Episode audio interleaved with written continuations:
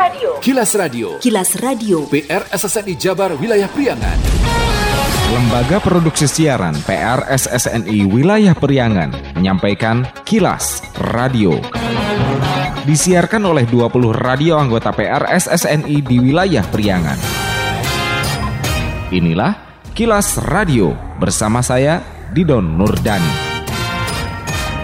Pendengar, kilas radio edisi kali ini di antaranya mengenai Pergub sanksi denda tak bermasker di tempat umum telah ditandatangani. Beberapa Pemda di Priangan Timur tunda denda terkait tak pakai masker. Kasus positif COVID-19 melonjak, Pemkab Tasikmalaya larang kegiatan berpotensi kerumunan. Pendengar, inilah kilas radio selengkapnya. Kilas, kilas. radio. Hingga awal pekan ini, beberapa pemerintahan daerah di wilayah Priangan Timur memilih menunda atau sementara tak terapkan sanksi denda bagi masyarakat yang tak bermasker, meski dua pekan sebelumnya Gubernur Jabar Ridwan Kamil telah sampaikan kepada publik terkait denda itu. Ridwan Kamil Senin 27 Juli kembali sampaikan terkait denda bagi masyarakat yang tak tertib pakai masker di wilayahnya berupa denda Rp100.000 hingga Rp150.000. Menurutnya, pemakaian masker masker amat krusial pada masa AKB, pasalnya saat kegiatan ekonomi dibuka bertahap dan masyarakat mulai beraktivitas, penggunaan masker dapat menekan resiko penularan COVID-19 di ruang publik. Kita akan buka semua ekonomi di Jawa Barat asal warganya tertib pakai masker. Hasil surveinya masih 50 persen, maka per hari ini tanggal 27 kami mulai memperlakukan denda kepada mereka yang tidak pakai masker 100 ribu sampai 150 ribu. Peraturan Gubernur Pergub terhadap pelanggaran pelaksanaan pembatasan sosial berskala besar PSBB dan adaptasi kebiasaan baru AKB telah ditandatangani Gubernur termasuk di dalamnya juga mengatur sanksi protokol kesehatan tidak memakai masker di tempat umum yang bertujuan meningkatkan kedisiplinan masyarakat terapkan protokol kesehatan. Kilas Radio PR SSNI Jabar Wilayah Priangan.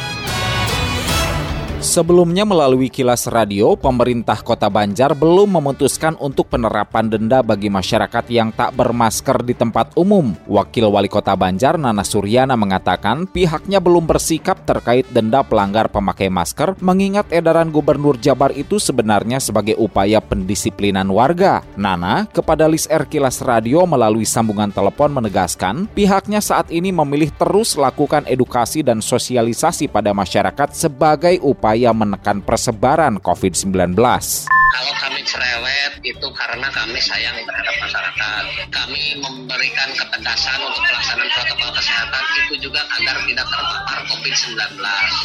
Hal yang sama disampaikan Bupati Ciamis Herdiat Sunaria. Menurutnya, Pemkab Ciamis menunda penerapan denda karena kondisi dan situasi perekonomian masyarakat yang tak memungkinkan. Ia menambahkan maksud pemerintah terapkan sanksi denda bukan semata untuk mendapatkan pendapatan, namun lebih kepada upaya pendisiplinan warga. Maka dari itu, Pemkab Ciamis memilih sosialisasi dan edukasi terkait penggunaan masker di tempat umum tidak bisa ujuk-ujuk kita memberikan denda sosialisasikan dulu ke masyarakat. Itu juga denda bukan pemerintah mencari PAD dari denda itu hanya supaya betul-betul masyarakat mentaati aturan. Itu intinya. Makanya kita akan lebih fokus kepada edukasi sosialisasi menghimbau masyarakat Sementara Pemkot Tasikmalaya akan mengevaluasi dan telaah ulang terkait sanksi denda masyarakat tak bermasker di tempat umum. Wali Kota Budi Budiman mengatakan pihaknya akan kaji mendalam hal itu seiring dengan upaya terus untuk ingatkan masyarakat yang mulai abai. Padahal menurut Budi, Kota Tasikmalaya kini masih terus konsentrasi menekan angka persebaran COVID-19